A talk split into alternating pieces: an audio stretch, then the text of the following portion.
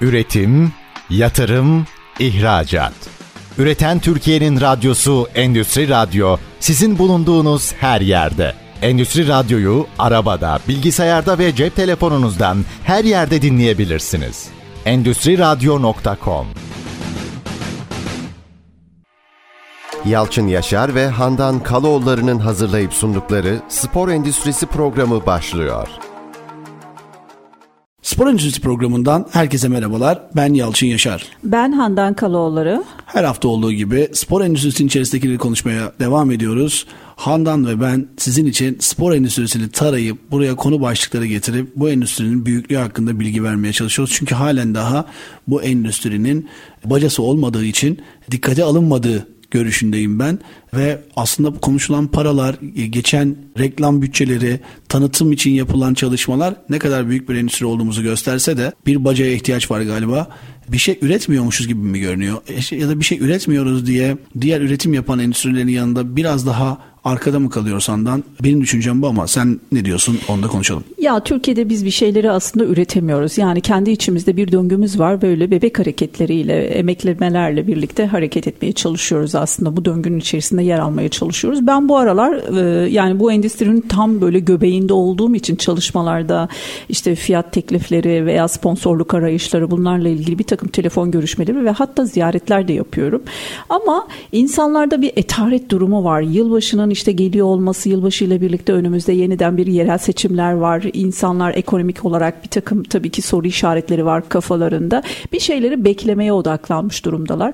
Dolayısıyla bu beklemeye odaklanmayla birlikte Türkiye'deki Türkiye üreticileri Türkiye Ligi'nde böyle hani maçlar var e, bir organizasyon dönüyor ama bir şeyleri üretmek sponsorluk bunlarla ilgili ne yazık ki birazcık daha böyle garantici davranmak için beklemeyi düşünüyorlar. Beklemeyi daha uygun görüyorlar ama uluslararası uluslararası büyük kuruluşlar tabii ki devam ediyor. Burada onları bağlamıyor. Yani evet bizim büyüklüğümüzü fark eden tabii ki büyükler var ve e, burada ciddi anlamda çalışma yapıyorlar. Böyle bir giriş yaptık ama e, şunu da konuşmamız gerekiyor.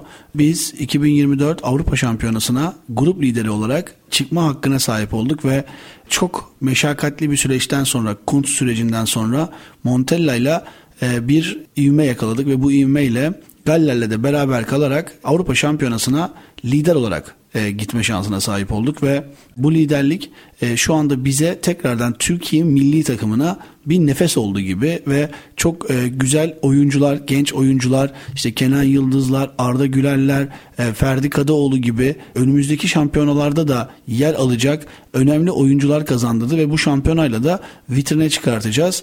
Dediğim gibi spor endüstrisi programının ana temellerinden bir tanesi hep buydu. Şimdi biz Türk milli takımının 2024 Avrupa Şampiyonası'ndaki performansıyla aslında inanılmaz bir reklam, inanılmaz bir tanıtım yapıyor olacağız. Haliyle de biz e, bacasız olabiliriz, biz belki görünmüyor olabiliriz, elle tutulmuyor olabiliriz.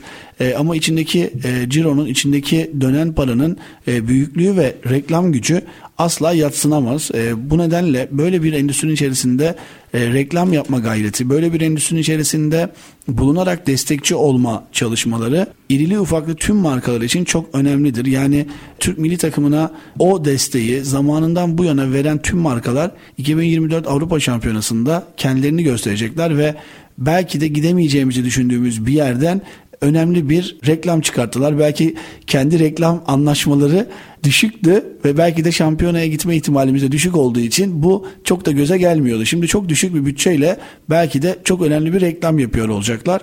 O yüzden takımları baştan sona desteklemek böyle finallerde var olmak adına da çok önemli. Şimdi sponsor olmak isteyenlere çünkü faturası daha ağır olacaktır muhtemelen. Kesinlikle kesinlikle. İşte bu işte aslında ilk başta daha doğrusu tam desteği en başta yani lig başlarken aslında vermek daha faydalı olur. Ve aynı zamanda da birlik, beraberlik ve hani o sarılmayı ortaya çıkarıyor. Desteği ortaya çıkarıyor. Aslında bizim ana amacımız burada birazcık daha samimiyet, destek, kucaklamak kısmını ortaya çıkarıyor. işin içerisinde biraz biraz daha duygusallığa dokunuyoruz. Ama tabii ki yurt dışına açıldığımız zaman o zaman Avrupa'da veya diğer liglerde olduğumuz zaman işte o zaman sponsorluk olduğu zaman bu samimiyetten uzak oluyor. Paraya dayalı oluyor. O zaman da pamuk Be- eller cebe biraz daha bede- büyük. Biraz bedeli ağır oluyor. E, haliyle aslında bizim de belki de bu yönde çalışmalar yapmak isteyenlere kısa mesajımız, kıssadan hisse mesajımız e, bu olabilir. Bir organizasyonu baştan sona desteklemek e, sizi bir gün mutlaka global anlamdaki bir turnuvada var olacaktır. Ama sonradan destek yani gitsinler de öyle e, içine destek. girelim demek çok ticari bir uygulama. Özellikle milli takım seviyesindeki sponsorlukların biraz da ulusal bir konu olduğunu düşünüyorum ve oraya herkesin elinden geldiğince hatta destek olması gerektiğini düşünüyorum. İrili ufaklı tabii ki mi takımında kriterleri neyse o kriterlere uygun bir şekilde e, reklam çalışması, sponsorluk çalışması yapılabilir. Ben 2024 Avrupa Şampiyonası'nın ülkenin turizm gelirine, ülkenin tanıtımına çok büyük katkı sağlayacağını düşünüyorum. O yüzden Montella tercihi belki ilk başlarda pek anlaşılamamıştı ama Montella çıkmış olduğu 3 maçta da maç kaybetmeyerek Hırvatistan'ı yenerek, Galler'e yenilmeyerek önemli işler yaptı ve sonunda da takımı e, lider olarak şampiyonaya götürdü. E, o yüzden Montella tercihi de zannediyorum artık tartışmaya kapandı. Kesinlikle öyle. Yani artık e, zaten müthiş bir ekip ruhuyla birlikte zaten maçlarda göstermiş olduğu performansla birlikte bayağı bir toparlayıcı da oldu. Ama işin sportif pazarlama kısmına baktığımızda evet ekonomik olarak işte özellikle turizm açısından da büyük katkısı ve desteği olacaktır. Ama ben bir şeyin daha altını açmak istiyorum özellikle parantez eklemek istiyorum oraya. Mesela yurt dışında da burada sen de ziyaret ettiğinde ben de ziyaret ettiğimde veya bizim dinleyicilerimiz de ziyaret ettiğinde marketleri gördüklerinde gezdiklerinde orada görüyorlar. Özellikle Türk olan üreticiler var. Bu nedir? Bir peynir üreticisi olabilir veya işte bir baklagil üreticisi olabilir veya bunlara benzer işte zeytin mesela ben e, çok sık karşılaştığım e, bir marka var oralarda. Dolayısıyla bu tarz markaların orada yerelde özellikle bir takım reklam veya sponsorluk sponsorluk belki onların bütçeleri açısından büyük olabilir ama maç başına bir takım reklam çalışmaları yapılabilir veya dijital dünya ile ilgili bir takım adımlar atılabilir diye düşünüyorum. Hani bir maçlık, iki maçlık gibi veya sadece o maçlara yönelik veya o maçlara yönelik orada özellikle o alanda bir takım etkinliklerle ilgili kendileri talepleri iletebilirler. E, bu tarz çalışmalar yapabilir, yapılabilir diye düşünüyorum. E, geçmişte de bunun birçok örnekleri var. Nasıl kendi içimizde Rize'de işte Trabzon'da farklı bir takım çalışmalar yapılıyorsa bu neden Almanya'da veya daha farklı e, Avrupa'nın farklı şehirlerinde olmasın açıkçası. Dolayısıyla e, en azından böyle adımlar atılabilir. Hani büyük sponsorluklar, lig sponsorluğu belki büyük bir külfet getirebilir veya bütçelerinin çok fazla üstünde kalabilir veya e, hani maç sponsorluğu da olabilir. Belki büyük getirisi, götürüsü olabilir. Aslında büyük bir getiri de olur her şeyden öte. Çünkü yapmış olduğunuz çalışmalarda o sponsorluk bedellerinin içerisinde bunun PR açısından karşılığına bakarsanız ölçümlenemez açıkçası. İlk etapta hani cebinden çıkacak olan parayı kendisi bir külfet gibi göre, görebilir ama bunun vergisel durumunu da göz önünde bulundurmak gerekiyor. Bunu da ayrıca hani belirtmek isterim. Ama bununla birlikte PR açısından değerlendirince ve direkt olarak orada bir takım ürünlerin tanıtımı yapılınca müthiş bir izleyici kapasitesine yani müşteri kapasitesine ulaşılabilir. Bu konuyla ilgili ciddi bir şekilde mesela 1950'lerde filan ilk futbol e, ortaya çıktığında şey e, ilk futbolla ilgili sponsorluk anlaşması ve marka işbirliği anlaşması ortaya çıktığında mesela bir gazlı içecek e, firması ilk adımı attı ve kendi ürünlerini tanıtmaya başladı, tattırmaya başladı ve tattırınca da ciddi bir şekilde bir ivme kazandı. Artık sporun e, insanlara ulaştırma gücünün bu devasa gücünün farkına vardı ve daha çok yatırım yapmaya başladı. Dolayısıyla neden olmasın bir gıda firması da neden girmesin diye düşünüyorum. Ben sporun halka temas noktasında çok önemli bir yer olduğunu düşünüyorum. Bunun belediyecilikte de yeri çok yüksek. Devletin en üst kademelerinde de çok yüksek olduğunu düşünüyorum. O yüzden spor hem sponsorluk açısından önemli bir yer tanıtılması açısından hem de bence devletle de halk arasında önemli bir köprü olduğunu düşünüyorum. O yüzden spora şu anda yapılan yatırımların da devlet tarafından yapılan yatırımların da önemli sporcular çıkartacağını düşünüyorum. Çünkü insanlar evlerine yakın tesisler bulmaya başladılar. Bu tesislerde çocuklar yetişmeye başladı. O yüzden sporun iki yönlü tarafı var ve ben iki yönünde şu anda iyi yönettiğimizi düşünüyorum.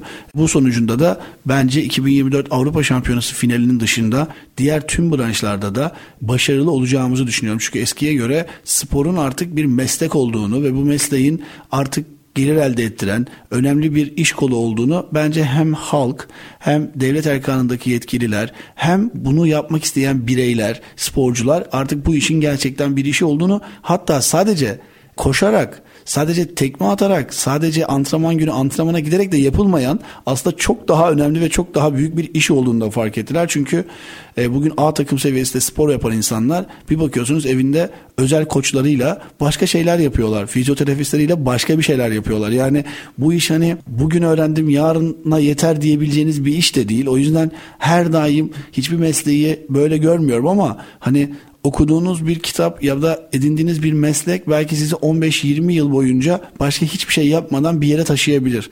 Ama siz 15 gün antrenman yapmazsanız mahvolursunuz yani. Kariyeriniz bir anda kilo aldı vesaire diye yok olup kaybolup gidebilirsiniz. O yüzden hani inanılmaz da tempo gerektiren aslında çok ağır bir işçilik seviyesinde de bir işçilik olduğunu söylemek lazım. Ben e, şöyle eklemeler de yapmak istiyorum. Çok güzel konulara değindin açıkçası. Çünkü yerelde özellikle yerel yönetimde e, veya hani ülke genelinde bir yönetimde direkt olarak büyük bir katkı siyasetin veya hükümetin bu anlamda spor anlamında büyük yatırımlar yapması gerektiğine inanıyorum. Yerel yerellere indiğimizde her belediyede binde 12 gibi sporla ilgili alanlara bir yatırım payı ayırıyorlar. Yani gelirin binde 12'sini. Bu e, direkt olarak büyük bir rakam baktığımızda. Bundan dolayıdır ki sporun birleştirici gücü ve aynı zamanda da birçok yeteneklerin de ortaya çıkmasıyla birlikte hem vatandaşa direkt olarak inebileceğiniz sağlıklı beslenme, sağlıklı yaşam, sağlıklı birey kısmını üzerini çizerek hani bu yolda ilerlediğiniz zaman bu mottoyla direkt olarak yatırımlar ona göre de insan insanları yönlendirmeniz buna göre de iyi ki işte atıyorum Sarıyerliyim veya iyi ki Bakırköylüyüm diyebilecek vatandaşa ulaştığınız zaman önünüzdeki seçimlerde yaklaşıyor Mart 31'inde. Dolayısıyla oraya bir seçim oy yani seçim nedeniyle bir katkı sağlamış, bir destek almış oluyorsunuz. Ee, bir de bunun dışında da bakıldığında her hükümetin bu anlamda ciddi yatırımları yapılıyor olması Spor Bakanlığı'na da ciddi bir katkı sağlıyor. İşte Futbol Federasyonu'na da yine aynı şekilde ciddi bir katkı sağlıyor.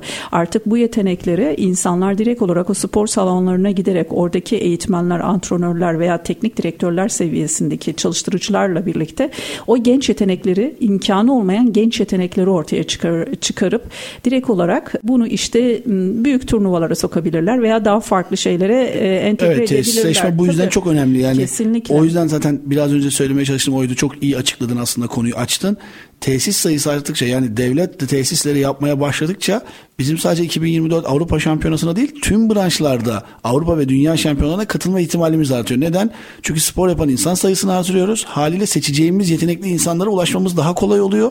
Haliyle seçtiklerimizin de başarılı olma ihtimali çok daha yükseliyor. Neden? Çünkü zaten tesisleri var. Evet. Bu bizim için bir döngü aslında.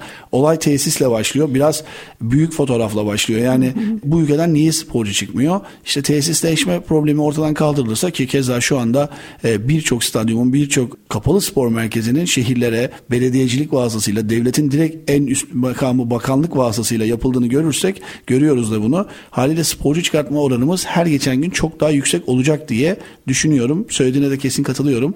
Ben bir ilçenin vatandaşıyım ve o ilçede belediyemin bana vaat ettiği şeyin arasında çocuğumu en pratik şekilde spora ulaşan yani spor zaten bir lüks değil yani ulaşılabilmesi gereken bir şey. Haliyle belediyelerin bana bunu e, ulaştırabiliyor olması benim tercihlerimde önemli bir argüman. Haliyle de e, belki konumuz değil ama halka temas noktasında sporu vaat etmek önemli bir vaattir Kesinlikle. diye de söyleyebiliriz. Çünkü biz de birer vatandaşız. Kesinlikle. Ben şimdi bir e, siyasi parti demeyelim de bir e, önümüzde yerel seçimler olduğu için özellikle belediye başkanlığı konusunda aday olan ve aday adaylık süreci şu anda. Mesela e, öyle bir aday adayıyla çalışıyorum. Geçmişte bundan 4 yıl önceki yerel seçimlerde de yine büyükşehir için çalışmıştım.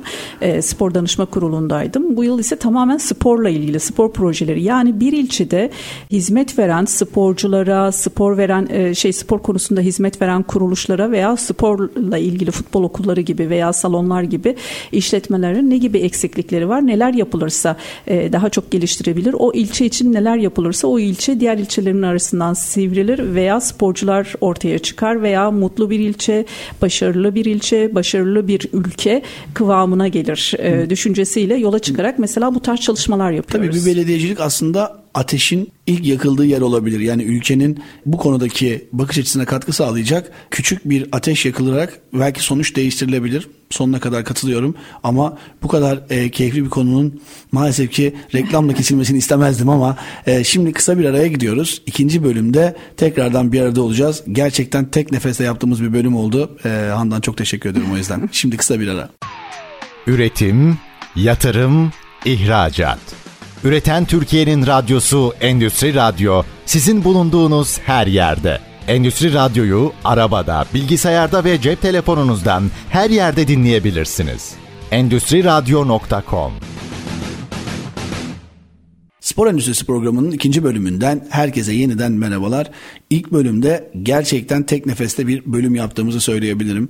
Hatta hiç üzerine konuşmadığımız konular üzerine karşılıklı olarak bu konuyu hiç konuşmamıştık ama burada sanki aynı yerden konuşan aynı konuyu sanki daha önce çalışmışız da buraya gelmişiz evet. kadar akıcı e, bir e, program e, bölümü oldu. Bu bölümü ve bundan sonrakileri de gene dijital platformlarda podcast olarak da dinleyebilirsiniz. İlk bölümde aslında önümüzdeki seçimler için spor vaadi verilmesinin önemli bir trik olabileceğini e, hatta devlet büyüklerimize tavsiyede bulunduğumuz aynı zamanda tesisleşmeyle şu andaki ülkedeki sporcu yetiştirme kapasitemizin artırılacağından bahsettik. Önemli bir detaydı, önemli bir konuydu. Çünkü belediyecilik de artık sporla önemli bir etkileşim yaratmaya çalışıyor. Bunu görüyorum. Tüm büyük şehirler kendi sosyal tesislerini yapıp o ilçenin çocuklarına spor yaptırmayı vaat eden politikalar izliyorlar ve ben bundan çok mutluyum. Çünkü bu binaların içerisinde bizim üç temel branşımız futbol, basketbol ve voleybol gibi branşların dışında çok ciddi ekstra branşların olduğunu ki bu branşları kabul etmek lazım. Her ne kadar sporcu sayısı diğer 3 branş kadar olmasa bile bu işe gönül vermiş insanlar var. Yani eskrim belki ülkede çok az insanın gündemi ama bu ülkede Balkan şampiyon çocuklar çıktı. Haliyle buna da önem veriyoruz. Buna da bir tesis yapıyoruz. Korfball belki çok dikkatimizi çekmeyen bir branş ama yüz binlerce insan belki korfball oynuyor ve e, belediyecilik ve Spor Bakanlığı bunlara da tesisler yapıyor. İşte sadece belki de vatandaş gözüyle de şunu söylemek lazım. Yani spor tesisi yapmak futbol sahası yapmak değil. Bazen hiç görmediğiniz belki de bir buz pisti yapıyorlar. Hani belki Kesinlikle. direkt olarak görmüyoruz çünkü kapalı bir yer ya da gündemimiz değil. Sanki çocuğumuzu futbola göndermek istediğimiz için ve evimize yakın futbol sahası yokmuş gibi görünüyor. Ama belki de o ilçede başka hiçbir yerde olmayan curling pisti vardır. Yani hani e, aslında sadece branşı birkaç branş ve birkaç tesis yok diye eleştirmeden de bakmak lazım. Çünkü ister istemez 3 branşta yer arıyoruz. Futbol, voleybol ve basketbol.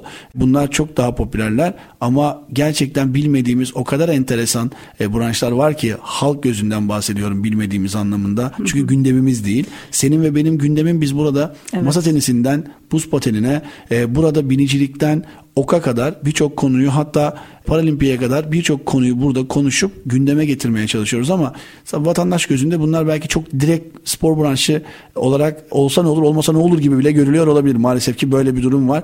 O yüzden her belediye illa da basketbol, voleybol veya futbol sahası yapmak zorunda değildir. E, bambaşka branşlara da hizmet edebilir. Kesinlikle. Ben mesela e, dün seçim ofisindeydim. Özellikle seçim koordinasyon merkezindeydim. Bu konuyla ilgili hizmet verdiğim kişiyle aday adayla birlikte e, bir çalışma yürütüyoruz. Profesyonel olarak tabii ki ben bir profesyonel olarak oradayım. Dolayısıyla oraya mesela ziyaret eden gelen bir tane e, veli vardı. O, 17 yaşındaki oğlunun e, sporla çok ilgili Beyso'ya gitmek istiyor ama Beyso'da hangi alanda daha çok böyle uzmanlaşması gerektiği konusunda biraz kaybolmuş mesela. Böyle bir konu vardı. İşte önümüzdeki hafta ziyaret ediyor olacak ve e, sevgili İnan'la oturup sohbet ediyor olacağız. Belki bir ışık tutabilirim düşüncesiyle. Geçen hafta keza yine bir konum vardı benim özellikle özellikle Muay Thai konusu. İlçede bu branşın çok fazla rövanşta olduğunu, özellikle bu konuda çocukların çok fazla ilgi gösterdiğini, biraz dövüş, biraz işte estetik, birazcık da hani hareketlilik nedeniyle uzman antrenörlerin olması nedeniyle ve yönlendirmesiyle birlikte ciddi bir şekilde bir istek varmış mesela gençler açısından. Dolayısıyla bu branşların da tabii ki ön planda olması sadece hani bu takım sporlarının dışına çıkarılması veya işte 4 yaşı itibariyle 3 yaş itibariyle küçük çocukların kızların özellikle çok fazla yoğun talep gösterdiği jimnastik alanı ile ilgili bir takım şeyleri vardı. İşte burada yerel yönetimlerde özellikle belediyelerin bu konuda yapmış olduğu yatırımlar işte spor AŞ'nin de desteğiyle birlikte ve aynı zamanda da spor bakanlığının da önlerini açarak büyük destekleri ve katkılarıyla birlikte işletmeler yani yerel yönetimde ilçeler içerisinde faaliyet gösteren işletmelere verilecek olan teşviklerle birlikte oradaki sporcuların yani yetenekli sporcuların bulunması ile ilgili ortaya çıkarılması ile ilgili bir takım çalışmaların e, önünü açmış oluyor. Ben yaklaşık olarak biz 8-9 yıl önce Cumhurbaşkanlığı e, vasıtasıyla bir takım şehirlere özellikle ziyaretlerde bulunmuştum. Bu ziyaretlerde özellikle spor projeleriyle ilgili mesela Kars'ta çok enteresan bir şeyle karşılaşmıştım ve çok hoşuma gitmişti. E, bir tane boksçu bir çocuğun aslında ailesinden uzaklaşmak için Kars'ta direkt olarak çıktı ve çıkmasıyla birlikte de hani eve gitmemesi, eve gitmemesiyle birlikte de işte sokaklarda yatması ve ne yazık ki yabancı maddeleri kullanıyor olması ve bununla birlikte de çocuğun artık kendi kendine yok olmaya başlaması. Sonra orada bir tane işte spor salonu olan hasbel kadar böyle İstanbul gibi gelişmiş büyük böyle metrekarelere sahip olan bir spor salonu da değil. O çocuğu görüyor olması ve kendi himayesine alması ilk başta spor salonunda ufaktan yatması, kalkması, sonra orayı temizlemesi, orayı temizlemesiyle birlikte antrenmanlara başlaması, antrenmanlara başlamasıyla birlikte de o yabancı maddelerden uzaklaşması, o bağımlılıklardan kurtulması bu böyle bir şekilde serüven başladı ve bu serüvenle birlikte çocuk judo tarafında mesela pardon boks tarafında Türkiye ikinciliğine elde etmişti. Müthiş bir şeydi. Müthiş bir hayat hikayesi. Ee, kesinlikle çok etkilenmiştim bu hayat hikayesinden. Dolayısıyla neden böyle sporcular çıkmasın? İşte burada yerel yönetimler devreye giriyor. Eğer belediyecilikte bu tarz hizmet veren kuruluşlara bir takım teşvikler, ödüller, bonuslar yapıldığı veya öngörüldüğü takdirde bu binde 12'den bir takım bütçeler ayrıldığı takdirde bu işletmelerdeki eğitimciler de işte bu konuda daha rahat olacak ve dolayısıyla bu adamlar, bu hocalar, bu eğitmenler de kaybolan yeteneklerin üzerine daha çok ortaya çıkaracaklar. Yani ortaya çıkarmış olacaklar. Bir kişi değil de beş kişiyi belki çıkarmış olacaklar. Beş kişiye dokunmuş olacaklar. Şimdi çok ben e, hassas olduğum bir yere dokundun e, ve bunu daha önce televizyon programı yaptığım yıllarda bir teknik direktörle konuşmuştum. Şu anda üzerine senin de düşüncenin, duygunun bu olduğunu görünce iyi çocuk yetiştirilmesi için aslında bizim kendi hayatını bu işten kazanan antrenörlere de ihtiyacımız var demektir. Kesinlikle. Yani şimdi soru şuradan geliyor. Özellikle bu tarz tesislerde çalıştırılan veya altyapı spor kulübü diye adlandırılan futbol, basketbol, voleybol fark etmez. Yerdeki antrenörler bir şekilde yetkili kurumlardan sertifikalarını almışlar ve antrenör olarak oralarda devam ediyorlar. Ancak hayatlarını bu iş tek başına sadece bu işi yaparak hayatlarını kazanamadıkları için konsantrasyonları çocuk yetiştirmekte olmuyor. Çünkü karınları aç birazcık. Evet. Haliyle karnı tam doymayan bir antrenörün bir işe nasıl odaklanması beklenir? Haliyle aslında bir tık da belediyecilikte veya devletin en üst mercilerinde özellikle belediyeye ait spor merkezlerindeki çalıştırıcıların bence karınlarını maksimumda ellerinden geldiği en iyi şartlarla doyurmalı, parasal anlamda, manevi anlamda, eğitim anlamında, gelişim anlamında artık tamamıyla doymuş bir eğitimcinin bu sefer çocukları gidip sokaktan bulup tesise getirme durumu bile söz konusu olabilir. Konsantrasyonu bu olursa. Haliyle hayatını bu işe adamış insanların hayatlarını geçindirebilecek gelirlere ihtiyaçları da var demek. O yüzden benim senin belki şu anki gündeminde ama ben bir vatandaş olarak sesleniyorum.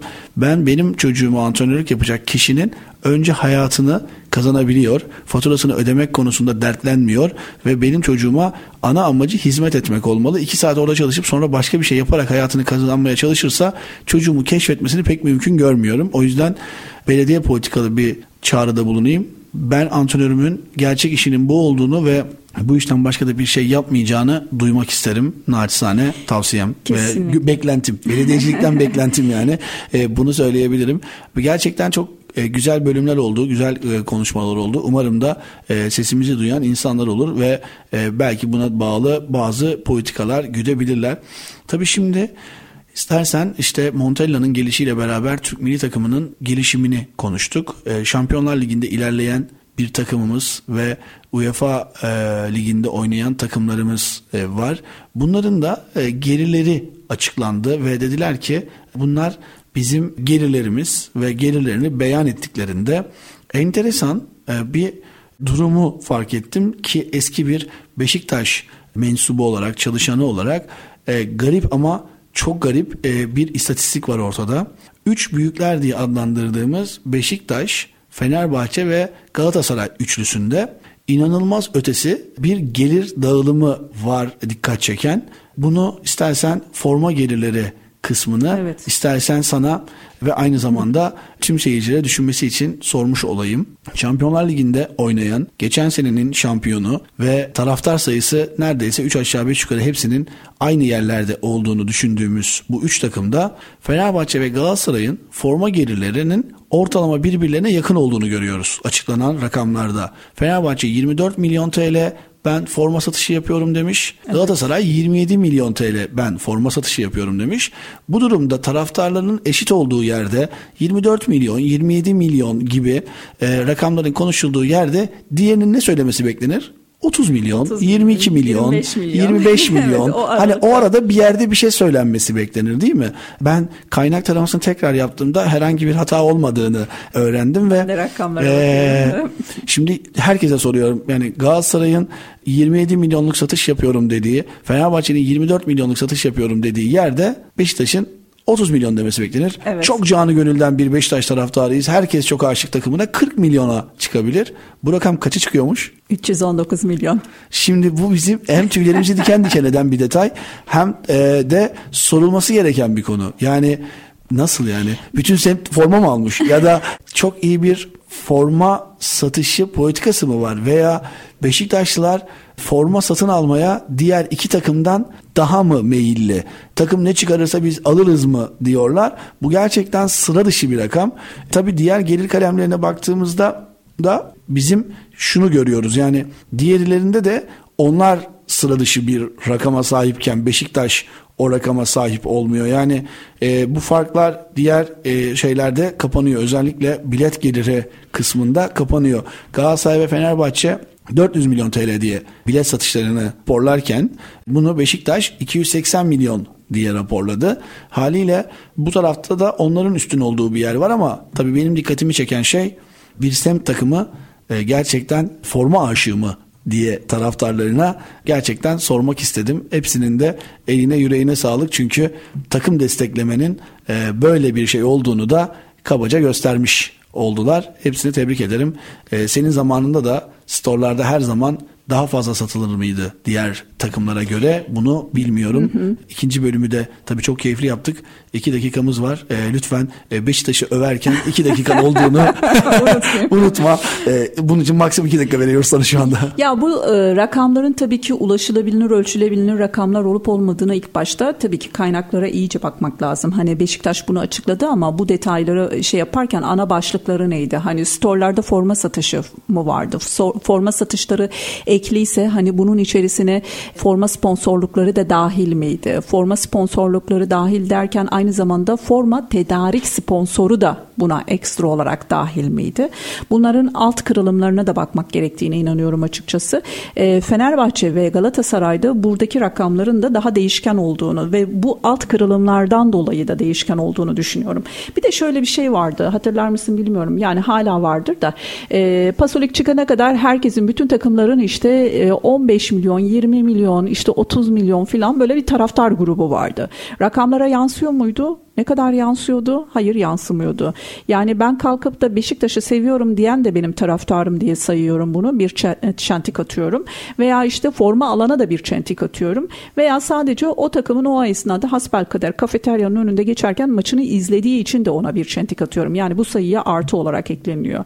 Gerçek rakamlar işte burada çıkıyor. Fakat Pasolik'in e, sayılarına baktığımızda çünkü Pasolik satış, kart satış. Dolayısıyla aktif sporcu yani gidip maçı izleyen, bunun için bir bedel harcayan, maç günü orada olan, gidip store'dan tabii ki o semtte e, bulunan mağazadan gidip bir forma alan veya küsmüş maçı izlemeyen ama store'da hasbel kadar bir datası olan, girişi olan yani e, gidip bir ürün alan veya bunu da yapmayan, ürün de almayan ama aynı zamanda da kulübüne ait olan bir takım şeylerden faydalanmak için atıyorum dergi aboneliği yaptırmış. Mesela dergi aboneliği de yaptırıp oraya destek olmak isteyen bu kişi de onun taraftar yani destekçilerin arasında yer alıyor. İşte oradaki alt kırılımlara bakmak gerektiğine inanıyorum. Acaba Beşiktaş bunu birazcık yanlış anlamış olabilir mi?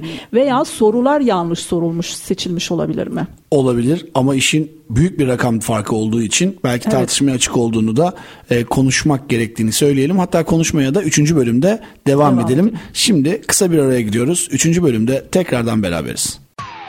Üretim, yatırım, ihracat. Üreten Türkiye'nin radyosu Endüstri Radyo sizin bulunduğunuz her yerde. Endüstri Radyo'yu arabada, bilgisayarda ve cep telefonunuzdan her yerde dinleyebilirsiniz endüstriradyo.com Spor Endüstrisi programının 3. bölümünden herkese yeniden merhabalar. İlk iki bölümden o kadar çok keyif aldım ki kendi kendimi tekrardan gerçekten dinlemek istiyorum diyebilirim. Çünkü ben spor endüstrisinin içerisinde işlenmesi gereken o kadar çok konu olduğunu düşünüyorum ki bunu herhangi bir tekstil ürünü üretirken işte ipliğinin başka yerden, tokasının başka yerden, kumaşının başka yerden, boyasının başka yerden, fermuarının başka yerden alınması gibi o kadar çok başka konu başlığı var ki aslında bir ürünü çıkartırken spor endüstrisi de aslında böyle. Birçok konu başlığı, birçok şey aynı anda birbirine eşit şekilde ilerlemeli ki endüstri e, gerçekten fark edilsin ve paralar, büyüklükler o kadar fazla ki inanılmaz. Hatta biz e, reklam arasında biraz vurucu rakamlardan e, bilgilendirme yapalım istedik ki hani endüstride dönen paralar biraz daha dikkat çekmiş olsun ve bununla ilgili de e, çalışmamız aslında şu 2023-2024 yılında futbol özelinde konuşacağımız e, bir konu olarak bakarsak en çok forma sponsoru yani aslında formanın önünde bir markanın isminin yazması. İş o kadar büyük ve aslında o kadar işe yarar bir şey ki insanlar e, gerçekten akıl almaz rakamlar ödeyerek formaların önüne isimlerini koyuyorlar. İşte bazen büyüyebilmek için çok para da harcamak gerekiyor diyebiliriz ve bu çok para harcama işi de sizin markanızı çok önemli bir şekilde öne çıkartabiliyor ve ben burada özellikle Türk Hava Yolları'nın yıllardır e, futbol, basketbol özelinde yapmış olduğu çalışmaları da takdir ederek karşılıyorum diyebilirim. İnanılmaz bir reklam çalışması yürütüyorlar. E, sporu çok iyi kullanarak devam ediyorlar. Şu anda basketbol özelinde çok çok iyiler ama basketbolun dışında futbolda harcanan paraların göğüs sponsorluğu paralarının en büyüğünü kim ödemiş ve kime ödemiş isterseniz biraz Handan bundan bahsetsin. En başta tabii ki La Liga'nın FC Barcelona'sı geliyor. Bizlerin de özellikle en çok müzik dinlediğimiz kulaklarımızdan hiçbir şekilde böyle e, pası silinmeyen. Bence dizisini de izlemeleri gerekiyor. Değil filmini, mi? filmini, filmini pardon. Evet. 70 milyon euro. 70 milyon euro harcayarak formanın üzerine ismini yazmak istemek gerçekten ilk duyduğunda yani tüyler ürperten yani ne kazandırabilir ki bize diye düşünecek çok fazla insan var olabilir. Ama Barcelona'nın marka gücüne kendi marka gücünüzü eklediğinizi düşünürseniz ve ben de bu işin Barcelona'sıyım deme şekliniz buysa mesela size çok katkı sağlar. E, şey aslında aynı zamanda da e, Barcelona'nın da e, kendisi biliyorsunuz önünde ismi geçiyordu aslında aynı zamanda isim sponsoru Stadyuma da artık. Stadyumda evet stadyumda direkt dilimde artık, hemen evet. Beşiktaş'ın stadyum ismi geçti direkt Evet, olarak evet. onu e, söyleyecektim. Stadyum isim hakkına da sahip. Dolayısıyla e, büyük rakamlar hakikaten çünkü sadece bu kanala bu platforma birçok insan üye olmaktan ziyade hani kendi isimlerini önde çıkarmak veya işte Amerika'da farklı e, ülkelerin sokaklarında popüler sokaklarında dijital alanda yer almak için ciddi bir şekilde bir para bir e, ödeme yaparak e, oralarda reklam açısından yer almak çabaları içerisinde oluyorlar. Kendileri de işte bir futbol kulübüyle inanılmaz bir işbirliği yapıyorlar. Tabii hiç altta kalmayacak büyük bir rakibi var e, Barcelona'nın. Evet. E, tabii ki ezeli rakibi e, ezeli rakibi Real Madrid'de bir havayolu şirketinden aynı parayı e, alarak 70 milyon euroyu alarak aslında e, muhtemelen e, bunlar birbirlerinin e, sponsorluk bedellerini öğrenip herhalde o bu kadar alıyorsa ben de bu kadar alırım demişler gibi görünüyor buradan Biraz şey bakınca. mi? Borsa gibi. Borsa yani o oysa ben de buyum yani. 70 milyon euroya da o bir havayolu şirketinden para alarak şu anda kadar harcanan en büyük iki göğüs e, reklamı çalışmasını söylemiş oluyoruz. Arkasından da tabii Paris Saint Germain gibi, Manchester City gibi, Liverpool gibi tabii herkesin sayabileceği takımların paraları geliyor. Top 10'daki en altta yani 10. ki 10'uncunun bile aslında ödediği paraya bakacak olursak e, bu işin çok büyük paralar döndüğünü anlayabiliyoruz. milyon. Büyük 46 rakam. 46 milyon euro. Chelsea. Chelsea 46 milyon euro ile inanılmaz bir çalışma yapıyor ve paraların çok büyük olduğunu görüyoruz. Türkiye'de de tabi göğüs sponsorluklarına paralar harcanıyor. Dünyanın çeşitli takımlarında e, bunlar var. Tabi üzüldüğümüz şey e, şu olabilir bu durumda. Top 10'da çeşitli e, liglerden takımlar var. İşte Almanya'dan, İspanya'dan, Fransa'dan takımlar var ama bir Türk takımı şu anda e, burada değil. Bu tabi ligin performansıyla da ilgili bir şey. Yani ya da ligin takımlarının nerelerde olduğuyla da ilgili bir şey. Bu takımların her birisi Şampiyonlar Ligi seviyesinde neredeyse her zaman var olan takımlar. Ee, böyle takımların tabii sponsor çekme e, gücü çok daha yüksek oluyor. Bize de biraz başarı gerekiyor gibi görünüyor bu durumda. Kesinlikle katılıyorum. Ben şöyle düşünüyorum. Zaten futbol ilk etapta İngiltere'de kuruldu. Dolayısıyla Premier Lig hani birçok lige karşı daha büyük bir tecrübeye sahip. Daha önce başladığı için ilk başlayanlar yani bu işin lokomotifi Premier Lig. Birçok insan, birçok lig veya bu işte özellikle bu spor endüstrisinde faaliyet gösteren birçok profesyonel kendilerine birçok örnekler veya tecrübe kazanmak için ne yapıyorlar? Tabii ki İngiltere'ye gidip Premier Lig ile ilgili bunlardan biri de bendim. Gidip orada tecrübeler kazanmak, izlemek, stadyuma gezmek e, veya işte mağazaları dolaşmak, fikir almak açısından, ufkunu genişletmek açısından oralara gidiyorlar veya bir takım marka işbirliklerini Premier Lig ile birlikte yapmaya çalışıyorlar. Bir de dikkatini çekti mi? İşte e, burada spor turizminin ne kadar önemli olduğunu ben burada görüyorum. Özellikle havayolu şirketlerinin bu devasa rakamları vererek büyük firmaların, büyük kulüplerin formalarının göğüslerinde yer almak için nasıl çabaladıklarını bunlar ben eminim ki kendi içlerinde de direkt olarak hani ben önde olayım sen önde olma zaten yıllardır biz devam ediyoruz. Bizim aslında sponsorluk çalışmamızı öne alın veya değerlendirin gibi bir takım çalışmalar da vardır veya görüşmeler de olduğuna inanıyorum. Dolayısıyla burada havayolu şirketlerinin kıyasıya birbirlerini geçme rekabeti içerisinde olduklarını görüyorum ve burada spor turizmi devreye girdiğine inanıyorum. Evet taşımacılık konusu da çünkü bunun içerisinde çok büyük bir yer tuttuğu için Evet. havayolu şirketleri buna çok agresif bir şekilde e, saldırıyorlar. E, bunların arasında Türkiye'nin de havayolu şirketi mevcut. Şu anda futbol üzerinde çok fazla bir şey yapmıyor. Daha çok basketbol. Çünkü futbolda e, Barcelona'ya da sponsor oldu zaten. Yani yapacağı her şeyi Evet. yaptı ve tabii her işin bir süresi var. E, işte oradaki bilinirliği artırdıktan sonra farklı branşlara kayarak oralarda buna devam ediyorlar. Şu anda e, Final Four'da da oynanan basketbolun Şampiyonlar Ligi gibi e, söyleyebiliriz bunu. Oralarda da sponsorlukları, isim haklarını satın alarak aslında çok büyük e, bir marka çalışmasına devam ediyorlar. Ben o yüzden e, Türkiye'nin havayolu şirketi, Türk Hava Yolları'nda bu konuda çok güçlü ve çok başarılı buluyorum. Hatta neredeyse dünyadaki diğer rakiplerine ne yapması gerektiğini de anlatıyormuş gibi geliyor bana. Ben o yüzden kendilerini çok başarılı buluyorum. Yüksek ihtimalle Türkiye milli takımı 2024 Avrupa Şampiyonası'na giderken de e, bizim havayolu şirketimizle gövde gösterisi bir şekilde inecektir. Bir de şeyler oluyor ya e, ona da çok bayılıyorum ben. E, mesela uçakla gideceğimiz uçağı tasarlıyorlar, giydiriyorlar. İşte bir o bir vitrin gibi oluyor ya böyle hani e, o taksi moduna e, geçme var ya bu piste doğru giderken e, işte orada mesela o uçakların böyle özel yapılmış olması, giydirilmiş olması falan beni çok etkileyen bir detay. E, belki 2024 Avrupa Şampiyonası için de e, gene e, sponsor firma e, bu konuyla ilgili bir çalışma yapar.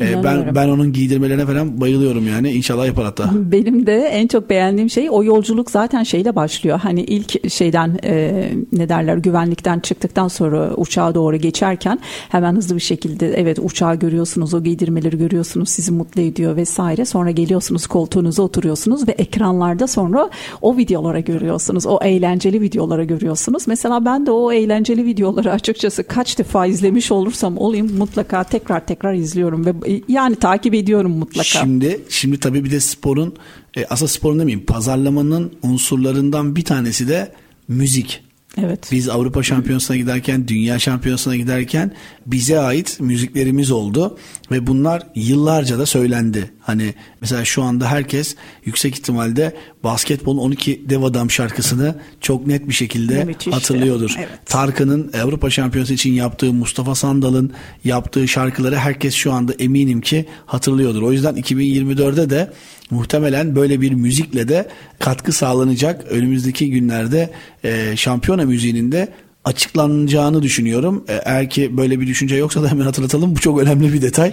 Ee, o müziğin, o coşkusunun, o ülkeye verdiği birlikteliğin e, gerçekten hani kısa süreli bir milli marşa dönüyor ve o milli marş herkes tarafından söylendiğinde sanki ülkede bir bayram havası oluşuyor yani.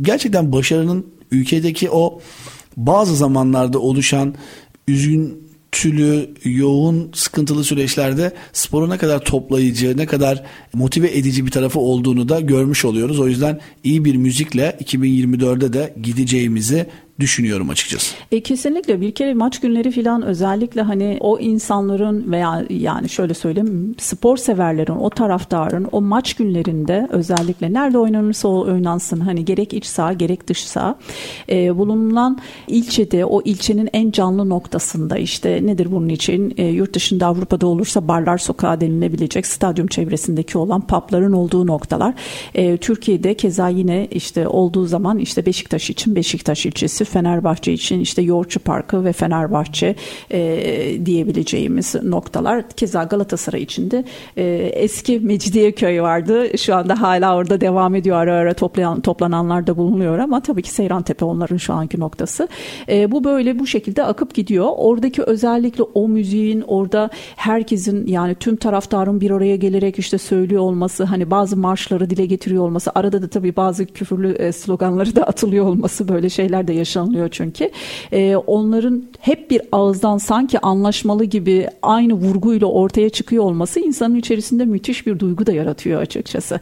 Özellikle bu maçlarda tabii ki e, işte milli takımla birlikte oynanılan veya Avrupa'da oynanılan bir takım maçlar olduğu takdirde de e, bizi daha da böyle bir e, gururlandırıyor değil mi? Ben çok motive oluyorum açıkçası. O yüzden pazarlamanın unsurlarından bir tanesinde olduğu için de bu ambiyans çünkü e, bunun da mutlaka göz ardı edilmeyeceğini düşünüyorum. Tabii bunun arkasından şimdi bilmiyorum ne durumda. İşte sporcuların giydiği takım elbiselerden uçtuğu uçağa bin, dinleyeceğimiz müziğe kadar bir dizayn olacak yani. İşte işte orada tam spor pazarlamasını hep beraber tekrar göreceğiz ve belki eleştireceğiz belki tebrik edeceğiz. Ee, o süreci hep beraber yaşayacağız. Çünkü Beckham'ın videosunu e, belgeselini izlediyseniz mesela orada e, söylüyor bazı şampiyonalarda gittikleri takım elbiseleri ne kadar berbat olduğundan bahsediyor. Yani sporcu bazen sponsor sebebiyle onu giymek durumunda kalıyor evet. ama işte yıllar sonra mesela o takım elbise için bir sporcu çıkıp gerçekten çok kötüydü diye. Çünkü kötüyse kötüdür zaten yani. Sadece sponsor sebebiyle bunu giymek zorunda kalıyorlar. O yüzden markalara da tavsiyemiz kim olursa sponsoru belki de şu anki aktif sponsoru devam edecektir. Ee, iyi bir takım elbise görüntüsü, iyi bir dizayn bize bizim futbolcularımızı bizim ülkemizi temsil ederken ki verilen dünyaya fotoğraflarda çok önemli. Lütfen e, bununla ilgili özel bir çalışma, özel bir dizayn yapılmasını ve yıllar sonra da ne kadar kötüymüş denmemesini temenni ettiğimi de söyleyerek programın sonuna doğru geldiğimizi de söylemek istiyorum. 2024 hepimize hayırlı olsun. İnşallah kenetleneceğimiz büyük bir spor organizasyonu kapıda keyifli geçecek. E, sonra 2032'de belki birkaç e, turnuva sonra, 3 e, turnuva sonra ülkemizde yapılacak. E, bunun ne kadar büyük bir iş olduğunu belki 2024'te görüp tekrardan e, hatırlamış olacağız diyorum ve sizin için hazırlamış olduğumuz bu programın sonuna geldiğimizi söylüyorum. Senin söyleyeceğin bir şey var mı? Toparlamak ister misin? Ee, şöyle yani e, bugünkü konumuzda açıkçası genel yönetimlere değindik. Özellikle aslında sporun birleştirici gücü, gücüyle birlikte vatandaşa direkt olarak spor yapma yani spora teşvik etmeyle birlikte başlaması, sporu tüm halka yayma, vatandaşa yayma ve bununla birlikte de işte oradan sağlıklı bireylerin, iyi beslenen bireylerin ve sporcu fit olan bireylerin e, ortaya çıkmasıyla birlikte aslında sporun birleştirici gücünü ortaya çıkmasını konuştuk açıkçası. Bu çok önemli. Spor Bakanlığı hükümetlerin ve aynı zamanda yerel yönetimlerin bu alanda e, ayrılan teşviklerle birlikte de üzerine bir şeyler daha katıyor olması gerekiyor. Tamamen halka yayılmasıyla birlikte. Bunlarla birlikte de tabii ki takım sporlarına baktığımızda mutlaka yapılan anlaşmalarda işte e, çok fazla meşakkatli bir yol var. Onu biliyorum. Stratejiler var. Dediğine kesinlikle katılıyorum. Özellikle sporcularımız, futbolcularımız kesinlikle görüntü itibariyle jilet gibi görünmeli. Buna inanıyorum. E, bizi yansıtmalı her şeyden öte. E, dolayısıyla... E, Herkese iş düşüyor. Ülkeyi tanıtırken tekstil firmasından uçağına e, belki orada seçilen sponsor spor malzemesi markasına Kesinlikle. kadar herkesin forma dizaynına bütünlük kadar bir bütünlük içerisinde şov yapacağımızı temenni ettiğimizi söyleyerek programımızın sonuna geliyoruz. Herkese spor dolu, sağlık dolu bir yaşam dilerim. Sporla ve sevgiyle kalın. Hoşçakalın.